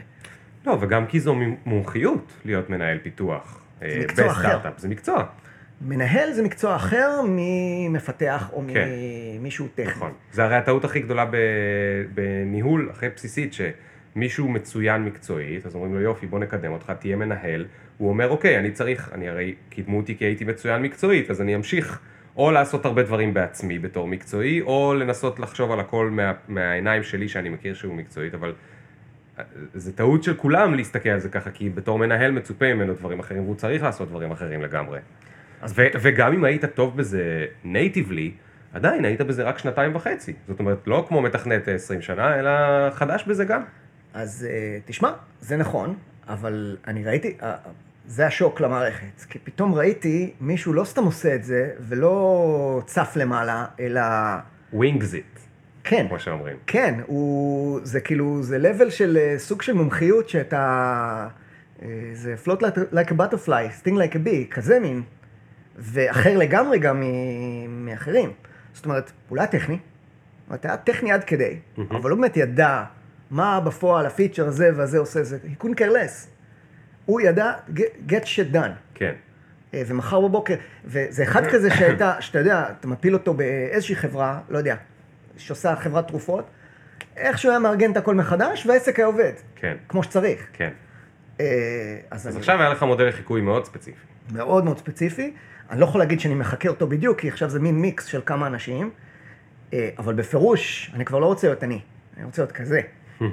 אה, אז התחלתי להיות כזה. רגע, עוד פעם כאילו החלטה כזו של בן לילה, של הבנתי, אני רוצה עכשיו להיות... אה, קודם לומדים, כי עכשיו כבר יש לי מודל שזה, אז אני צריך ממש לראות מה לעזאזל הוא עושה שם, זה קצת, זה, זה גם... קצת reverse engineering, להבין איך, איך זה, הדברים זה עובדים. מורכב, הוא גם לא, זה גם לא טריוויאלי, כי הוא לא מאוד ויזבילי. המון מהדברים, לוחץ מאחורי- בכפתור, קורה לוחץ בכפתור הקלעים. שם, לוחץ בכפתור שם, איכשהו דברים קורים, כן. איך... אין לך את. המניואל, אתה לא יודע איך... אבל, איך- אבל אין מניואל לדברים האלה, ממש אין מניואל. אה, אז למדתי את זה, ובשלב הזה אה, קיבלתי אותות מצוקה מהחברה. אה, הם אמרו לי, תשמע, החברה, אני אה, עדיין בעל אחוזים ניכרים בחברה, הזו." והם אומרים, תשמע, אה, אבא שלי אומר לי, אני רוצה לפרוש לפנסיה. אה, מהחברה ההיא כן, שהקמת עם אבא. נכון. כן. הוא אומר לי, תשמע, אני רוצה לפרוש, תבוא תחליף אותי. אמרתי, אוקיי, נלמד מנהל עסקים, נראה אם זה מתאים. אולי אני, אולי אני מנכ"ל ואני לא יודע מזה. זה החלום של כל ישראלי, אני אהיה מנכ"ל, אני אנהל, כן. אבל רגע, עזבת. את החברה? לא, במקביל, אז אמ- אמרתי להם שאני אוקיי. אני עכשיו לומד אה, בערבים אה, מנהל עסקים. אה, צובר את הסקילסט, מגניב.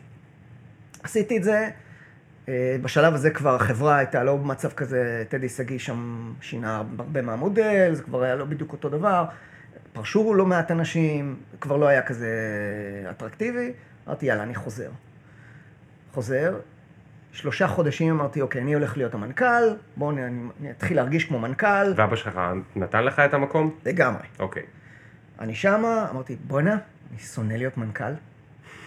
איזה דבר נוראי זה, איזה חצ... חתיכת עבודה גרועה. זה, אני שונא כל רגע, זה כאילו, זה לא אני. זה לא אני, וזה, ולא רוצה להיות גם כזה. כן. אה, אז או שאני מחקה את אבא שלי, שאני לא רוצה, אני לא, לא חושב שהוא מנכ"ל יוצא דופן או יוצא מהכלל. הסקילסט שלי לא שמה, אני גם ממש שונא את הדבר הזה. מה עושים? אז עשינו כזה ישיבת משפחה, מה עושים? הוא רוצה לפרוש. אה, זה שווה לא מעט דבר הזה. מביאים מנכ"ל אחר? כן, אבל uh, זו חברה משפחתית, הם לא היו מסתדרים עם מישהו, כאילו, ניסינו Mm. כל מיני דברים, הבאנו גם כל מיני אנשים ויועצים וזה.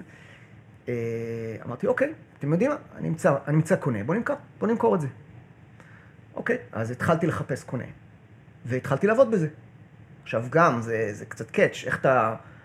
אם אתה זה שמבקש את הקונה, ואתה מציב את עצמך, אני בעמדת נחיתות, המנכ"ל שלנו רוצה לפרוש, כן, זה ו- לא אטרקטיבי, כאילו... ממש לא. אנחנו מוכרים כי המנכ"ל פורש. אז באנו, אתה צריך לבוא מפוזיציה של כוח. אז כן. זה היה לשחק את המשחק, ולזהות opportunities, ולטוס לכל מיני חברות, ולהציג אבל את תגיד, עצמך. עכשיו אתה לגמרי עוד פעם בתפקיד חדש, כי לא יודע אם אתה, אתה גם המנכ"ל, אבל עזוב, אתה מתרכז עכשיו בלהיות מישהו שהולך למכור חברה, שזה גם תפקיד מאוד מאוד ספציפי שהוא לא VPRND, הוא לא המתכנת שהיית, הוא כאילו עוד פעם דר- נדרשים לך דברים שונים לגמרי שאתה לא מכיר. והסקילסט, עכשיו לקחתי את הסקילסט שלמדתי מנחשון, ופתאום אני, אני...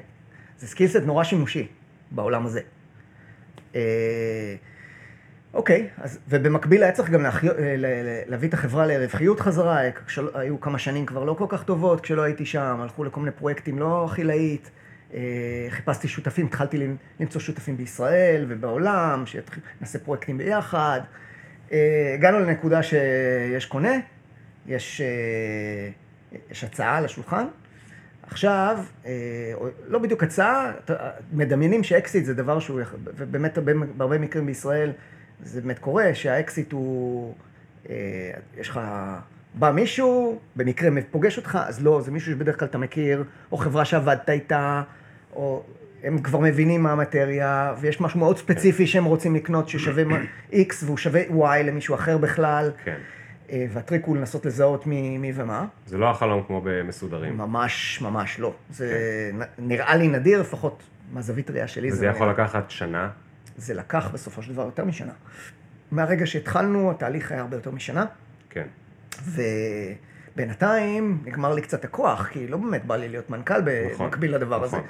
אה, אבל, ולהחיות אותה, וגם אני גם מנהל את הפיתוח של הדבר הזה, שאני גם מחליט וגם צריך לבצע. גם דרג מבצע פה, אז אה, אתגר.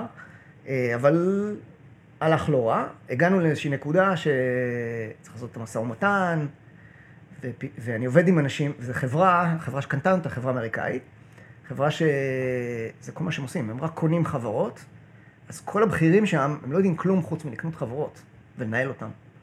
לנהל פחות טוב, בעיקר לקנות חברות. אה, ואני הרגשתי, אני התחלתי את השיחות האלה, עכשיו, זה- אתה, אתה שם פנים של שווה בין שווים, אבל תקשיב, הם משחקים שחמט ואני משחק דוקים. כן. זה אפילו לא, לא דמקה. כן, כי הם קנו כבר הרבה חברות, ואתה זה פעם ראשונה שאתה בשכונה. הם עובדים בזה, לגמרי. אה, אז אוקיי, אז מה עושים? אז אה, התחלתי לקרוא ספרים, כמו שאני, זו השיטה. מה... כל ספר על negotiation, כל ספר שאני יכול, כל יוטיוב וידאו על איך עושים את זה, אה, התחלתי להתאמן. עכשיו, מה ש... המזל הגדול הוא שבגלל שהתהליך הזה הוא ארוך, אז יש לך צ'אנס היה לך זמן להתאמן. להגיב כל פעם. כן. אתה מבין, חסר לך skill set, אתה לומד אותו ומתקדם הלאה. אז משיחה לשיחה אני קצת משתפר, אה, ואז קבענו, קבענו איזשהו מחיר יעד. היה שם גם איזשהו פיאסקו גדול, שנייה לפני שהיה לנו אה, מדען ראשי וכל מיני קשקושים כאלה, והמון המון ups and downs. זה ממש, אתה מרגיש ברכבת הרים, שזה גם מביא לך, אגב, skill sets. ואני מגיע ל... הגעתי לאיזושהי נקודה שבה אני חשבתי שכאילו הבנתי את הטריק ושלקחת, קיבלתי עסקה טובה, ואז הבנתי שאני לא מבין כלום, ועוד, ויש עוד מלא דרך ל-negotiation, ואז... רק אז הבנת שאתה בעצם היית בארץ סוס, ויש עוד איזה קוסם ארץ סוס שלא עוד- ראית אותו מאחורי יש עוד. מלא levels לדבר הזה, שעוד כן. אתה לא, אתה רק היית ב-level הראשון של לקבוע מחיר. כן. מאחורי זה יש עוד עשרה. אה, אז התובנה הזאת היא משמעותית, ויותר מזה, וגם בנקודה הזאת התחלתי להשתפר, והיה ניתוק רגשי מאוד מאוד קשה, שמאוד קשה, והייתי צריך לעשות שני negotiations במקביל. אני ניהלתי מול הקונה, ועוד negotiation מול המשפחה. אה, אוקיי. ש... זאת אומרת, ליישר את כולם עם מה שאתה חושב שהיא עסקה שיכולה להיות טובה. עכשיו, זה שתי negotiations נפרדים, זאת אומרת, זה, skill, זה גם skill set וגם זה בדיוק אותו דבר, כי הם אמרו משהו שהם בטוח לא הסכימו, אז אני לא יכול לספר להם את מה שהם אמרו, ואלה אמרו משהו שבטוח אלה לא יסכימו. אז אתה עכשיו כמו מתווך בין עסקאות בעצם. אני לא, אני לא, אני לא מתווך, אני מנהל שתי עסקאות שונות לחלוטין.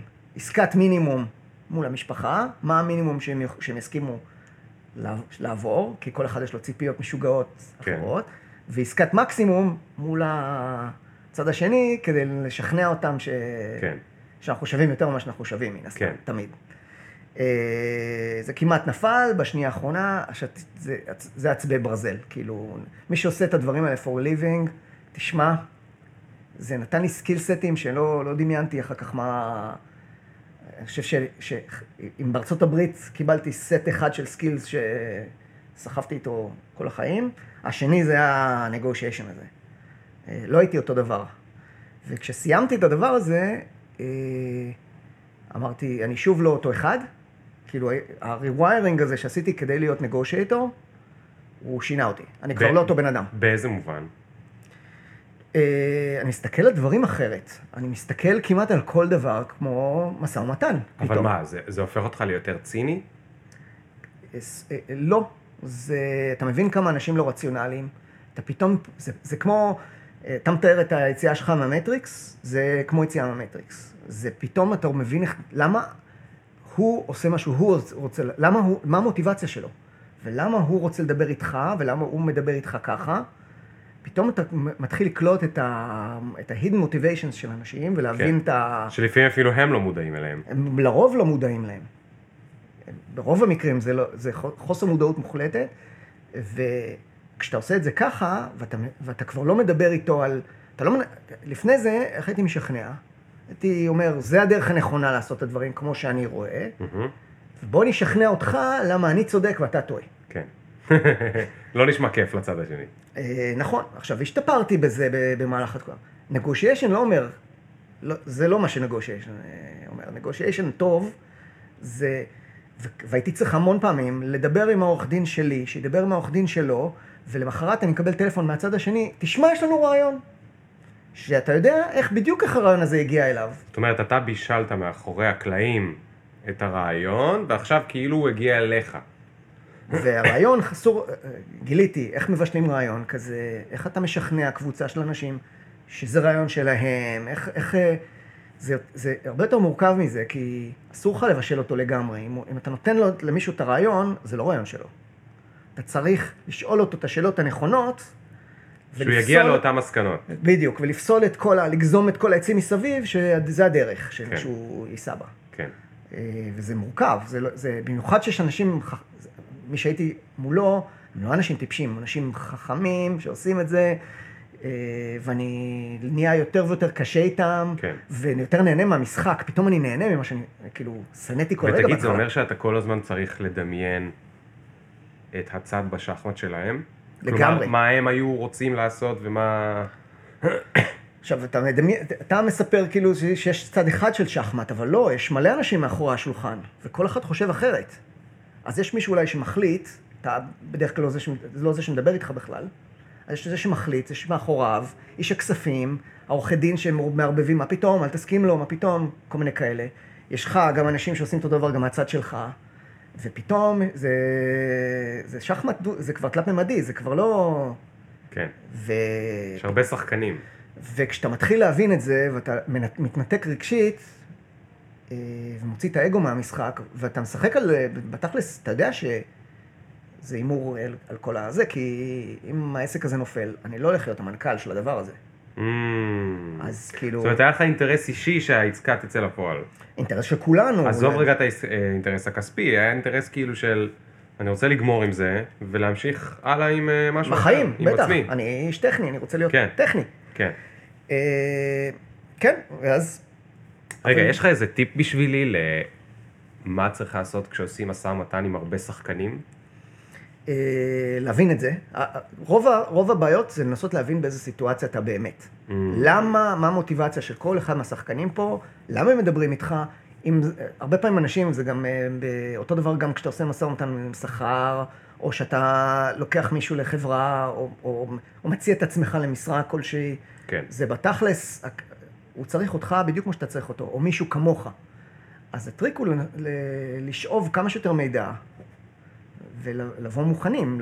אתה צריך להבין מה המוטיבציות שלו, מה הוא מחפש, מה זה בינגו בשבילו, איזה בן אדם היה, היה יושב בש, בשולחן, שהיה מקבל כן, בוא מחר בבוקר, ו, ואני רוצה, או אני רוצה לעשות איתך את העסקה, ו-and be that guy, כן, לרגע.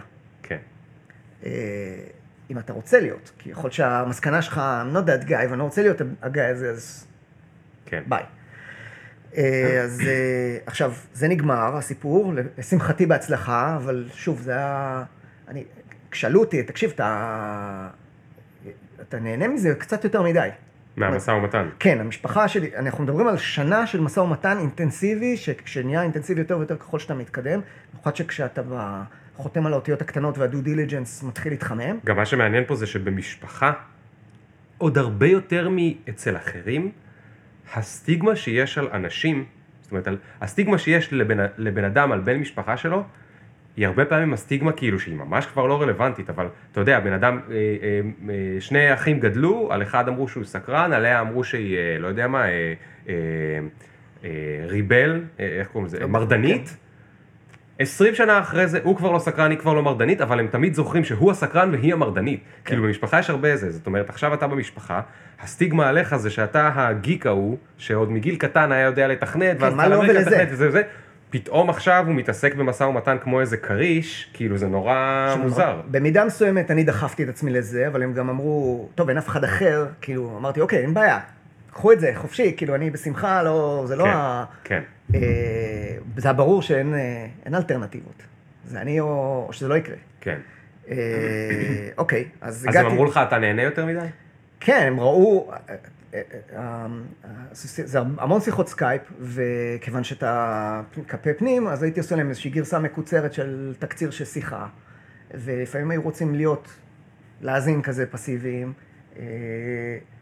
והם לא מבינים, מה, כאילו, אנחנו שנה לתוך התהליך, אני משחק, כאילו, מבחינתי, אוקיי, אז לא, לא עסקה, לא התאהבתי בעסקה הזאת, לא הייתי, לא, לא הייתי, לא נלחצתי, ניסו להפעיל אותי, הייתי אני לא... הפוך, ככל שהזמן התקדם, I learned to like it. אני פתאום קלטתי, בואנה, כאילו יש בזה קסם לדבר הזה בפני עצמו, ואני מתחיל להבין איך, אני, אני מתחיל לראות את המ- את המטריקס מאחורה, אני מתחיל לראות איך החוטים אה, נמשכים ומה מה פה קורה פה. חבל רק שרק בשלב הזה, אני אומר, fuck, אם הייתי יודע ש, שככה העולם עובד לפני 20-30 שנה, איפה אני הייתי נמצא בכלל. כן. אה, אוקיי, ואז אה, מכרנו, אה, ואז השאלה היא, אוקיי, מה הלאה? אז בא הקונה ואמר, תשמע, אה, אני לא רוצה את אבא שלך בעסק, אני רוצה אותך. מה הכוונה. מהרגע שהקונה קונה, מה הולך להיות עם, ה... כן. עם כל החברה? אני זאת אומרת, העובדים נשארים, המוצרים נשארים, מה הולך לקרות? כן, ואני באידאל אומר, אה, קחו, להתראות. ות- יש לי מספיק בהצלחה. דברים, כן, יש לי מספיק דברים מעניינים לעשות. כן. העולם פתוח, world's my oyster, יאללה. כן. אה, אז אמרו, לא, לא, לא, לא, לא, אנחנו רוצים שאתה תמנכ"ל. כי אתה מבין הכי טוב אה, בחברה. כן, אבל אני, אבל אני לא רוצה למנכ"ל. מה, מה לי ולמנכ"לות? אמרנו כבר שזה לא מעניין. רגע, ואת זה לא סגרתם במשא ומתן? היופי הוא שאני, על הנייר, אני לא... אני הנגושייטור, אני לא, אני לא בעלים. אוקיי. כי יש לי, ביני לבין אבא שלי יש הסכם, אבל אני לא מחזיק מניות ממש. כן. אז אין להם שום leverage עליי. אז, אז ה-leverage היה משכורת, וזה צריך להיות תפקיד מעניין. כן. אז אמרתי, אם אין לכם תפקיד מעניין, אז יאללה, יש מה לדבר, אבל אם זה לא תפקיד, מעניין, אם זה רק מנכ"ל, אין לי, אין לי, אין לי עניין בזה. כן. אוקיי, אוקיי, אוקיי. כל החטיבה הזאת שאנחנו מקימים עכשיו, שהחברה הזאת הולכת להיות חלק ממנה, צריכה CTO. מישהו צריך לנהל אותה טכנית. אה, זה שלוש חברות, לאף אחד מהן אין, אין מנהל טכני. תהיה של כל החברות, אחת באמסטרדם, קרוב לאמסטרדם, ואחת בברלין. וזאתי שלך ב- בישראל. ו... ועל אה, הצד... הם, הם הקימו חטיבה שהחברה שאתם מכרתם הייתה אחת משלוש חברות שעכשיו היא תחת החטיבה החדשה הזאת שלהם. בדיוק. אוקיי. והם רוצים שאתה תנהל את כל השלוש חברות תחת החטיבה הזאת. CTO, CTO טכני. CTO טכני CTO. לחברה באמסטרדם, ברלין וישראל. נכון. אוקיי. אז הייתי למשולש הזה, וחצי שנה היה פגז. כל אחד מהחברות היה לה מחלה משלה, ובעיות משלה, ופתאום, ועכשיו אני קצת מבין איך דברים עובדים, ואיך איך משכנעים אנשים קצת יותר, ויש לי כבר את הניסיון של כל הדוגמאות הקודמות, ו-I'm getting shit done. כאילו, דברים באמת מתחילים לתפקד ומתחילים לעבוד, וזה די מגניב. ובאמת, וגם כמנכ"ל, פתאום זה מעניין, אני לא באמת מנכ"ל אה, חברה שאני צריך לדאוג מחר בבוקר שאוי ואבוי אם אם אין הכנסות מה יקרה, ואין מכירות וזה, אז אני מתחיל ללמוד גם את השיטה האמריקאית, שהיא שיטה קשה לפיצוח, לא, לישראלי בוודאי, אה, עברה יותר בקלות ממה ש... הסוויץ', הקונספטים עברו יותר בקלות ממה שכבר הייתי קצת סוג של מוכן. אה, והיה סבבה, ואז הם החליטו שהם רוצים להעביר את הפעילות מישראל אה, לברלין, עוד משבר. עכשיו, אני כבר לא המנכ"ל, ה-CTO בדרים ג'וב של, שלי, אני פתאום זה שצריך לפטר 20 איש ביום אחד, ואני צריך לדאוג לכל העובדים שלי לשעבר, והם די מבואסים עליי, כי אני זה שמכרתי, כן. אני זה ש... כן. אה, אז אה, דאגתי לכולם.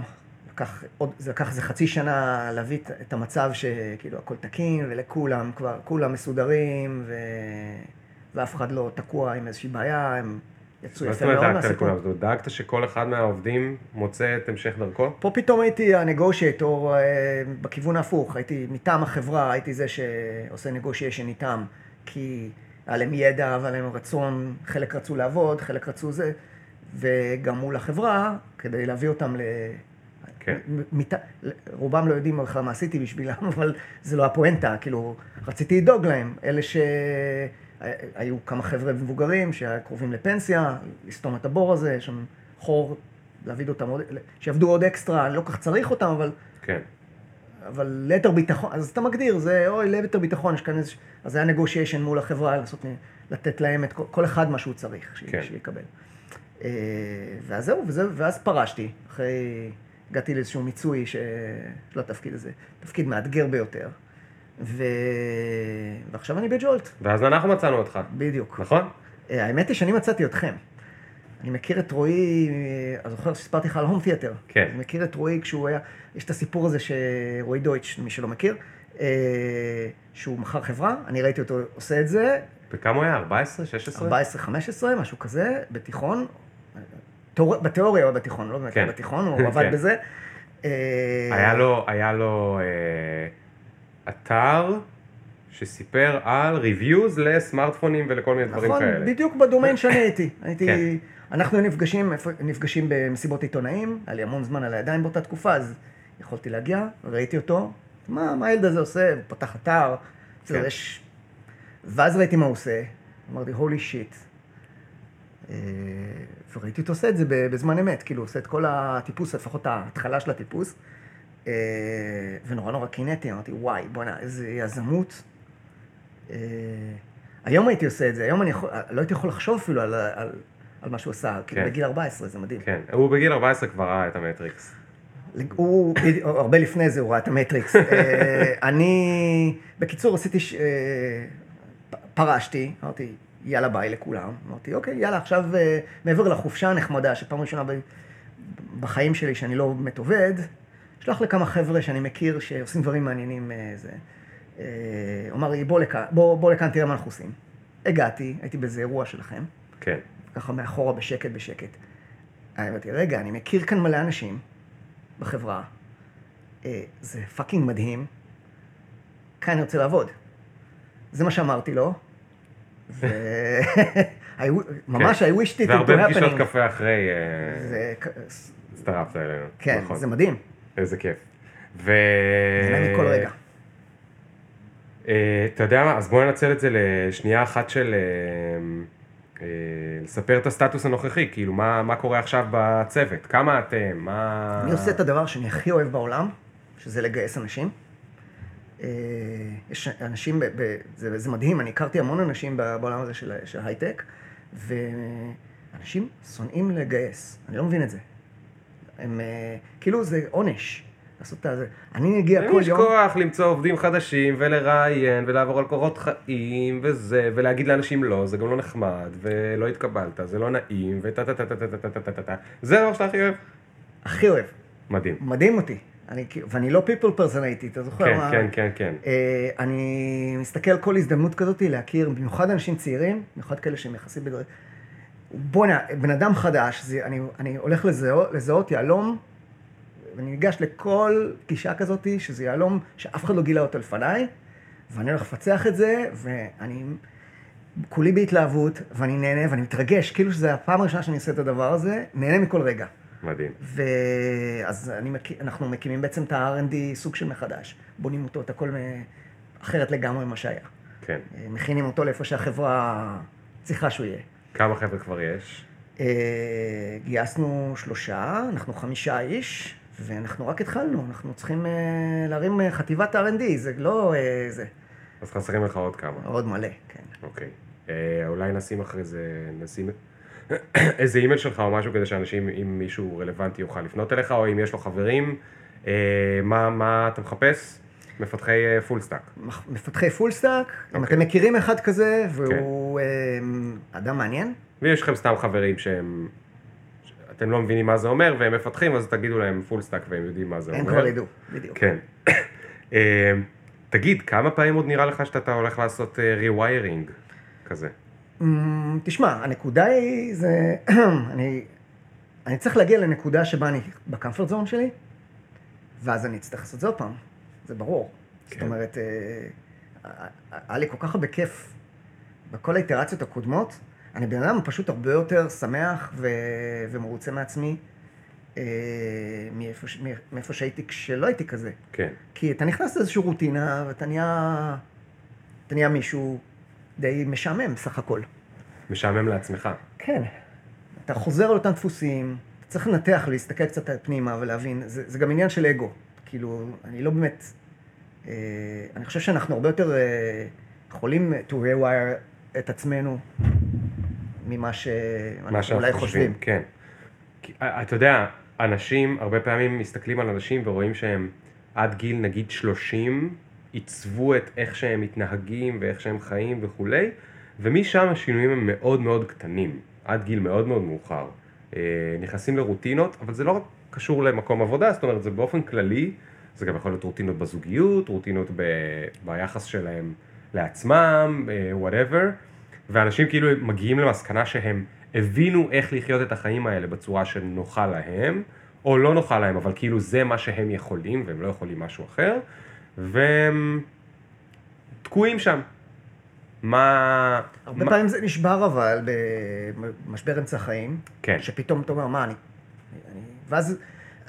אבל אז זה יוצא בצורה לא בריאה. זאת אומרת, זה כן. יוצא, אתה נהיה 180 מעלות ממה שהיית, או שאתה פתאום קונה מלא דברים, או שאתה מתגרש ומ- ומתחתן עם מישהי מאוד מאוד צעירה, או כל מיני דברים כאלה כן. מאוד קיצוניים. אה, אני לא מציע את זה, אני אומר, כל... צריך להסתכל על עצמך, ולנסות להבין למה אתה עושה את מה שאתה עושה, מה המוטיבציה, עזוב רגע אגו, שים אותו רגע בצד, למה אתה עושה את הדברים האלה, איפה, איפה אתה נוח לך ב, ברוטינה, כן. והאם זה באמת בריא, והאם זה הרוטינה הנכונה, אבל זה נורא מפחיד לעשות שינוי. אבל זה נורא גם מכניס אדרנלין לחיים. אה, עכשיו, אתה גם תמיד יכול לעשות צעד אחורה, זאת אומרת, לצורך העניין, אני לא מוצא חן בעיניי איך שאני... אז אין בעיה, הדפוס הזה לא ננעל עד שאתה לא איקס פעמים חוזר עליו. כן. כן. אה, אבל... אתה יודע, אה, ראיתי אתמול מחקר, לא זוכר איפה, ש... עיתון שציטט מחקר, שיש עקומה של עושר ב... בחיים, שהעקומה היא כמו בטן, זאת אומרת, אתה מתחיל יותר מאושר ואתה מסיים יותר מאושר, ובאמצע אתה בלמטה של הפעמון, והגיל הממוצע עולמית הוא בסביבות גיל 47. כנראה שבגלל זה שם יש הרבה, להרבה אנשים משבר. אה, גם הילדים שלך עוד לא עזבו את הבית, אז הם עדיין שם כדי, אה, מה שנקרא, לקחת ממך הרבה אנרגיות וכסף וכל דבר אחר שילדים אה, עושים. למרות שאוהב אותם, אבל הם כאילו, הם, זה לא שהם נורא קטנים ומתוקים, הם גם יש להם דרישות. הם. גם לפעמים לא נחמדים כבר, והם חושבים שזה בסדר שהם לא נחמדים, והם teenagers. בטלוויזיה הם ראו שבסדר שהם teenagers להיות לא נחמדים להורים וכו' וכו'. וגם הרבה אנשים מוצאים את עצמם במין כזה, עבדתי נורא קשה כל הזמן כדי לפרנס, כדי זה וכדי זה, ועכשיו בעצם, איפה אני? למ, אני במקום שאני לא מרוצה ממנו וכולי. אה, אז מה שאתה אומר זה שאולי אפשר למנוע להגיע לבטן הזאת בגיל 47, או בכלל למנוע מהבטן הזאת, ולהפוך את זה למשהו יותר גלי כזה, של כל פעם שאני קצת מרגיש שהדברים מתחילים ל... לרדת וכולי, לנסות ל... להמציא את עצמי מחדש. כן, אבל צריך איזשהו סוג של תמיכה, כי במשפחה בוודאי לא רואים אותך אחר. אז uh, כשאתה אתה, אתה חוזר הביתה, לשמור את ה... אתה צריך, אתה צריך לשמור את הפרסונה החדשה שאתה רוצה להיות.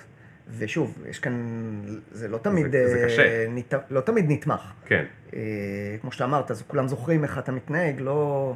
כן, זה, הדפוס, הדפוס שלהם לא השתנה. כן, אה, אז, אז כאן יש אתגר.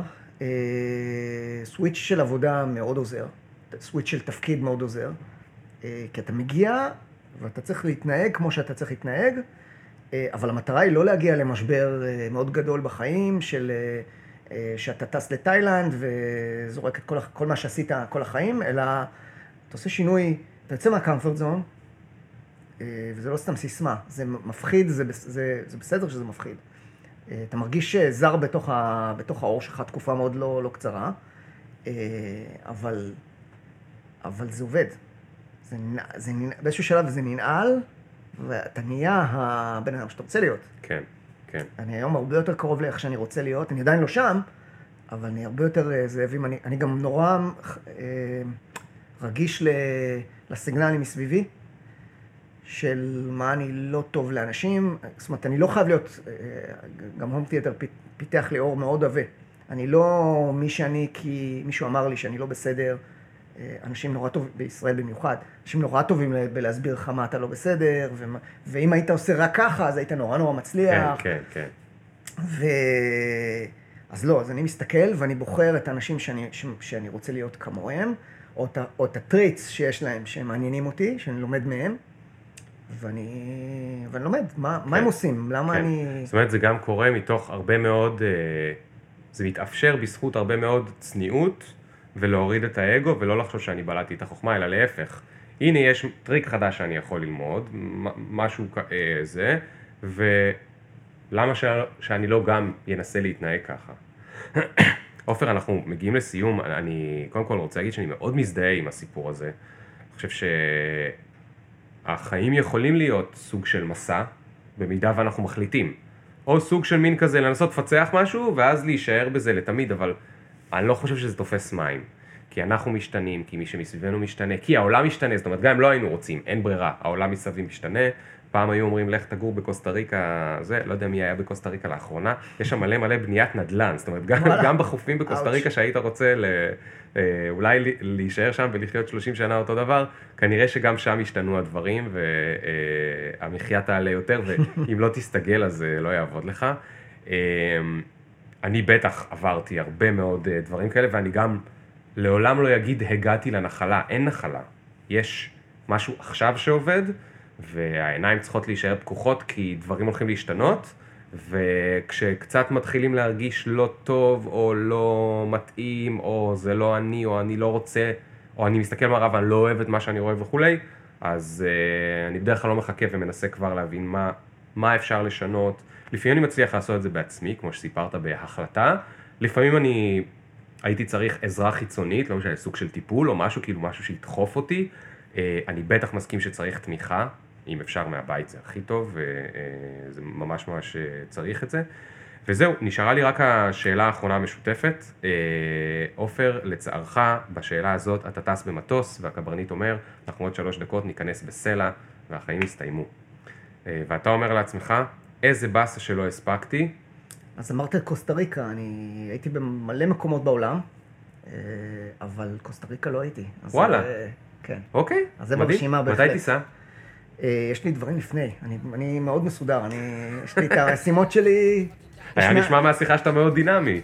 אה, אני דינמי, אני אג'ילי, אני כל הזמן אוקיי. אה, מקדם ומשנה, אבל זה, אוקיי. ברשימה, זה ב top 10. אוקיי, טוב, אז אתה צריך רק בטיסות האחרות לא להיתקע באיזה סלע, חס וחלילה. לא, כדי לא. שתספיק. טוב, תודה רבה רבה, עופר. יאללה, היה מעולה, my תודה.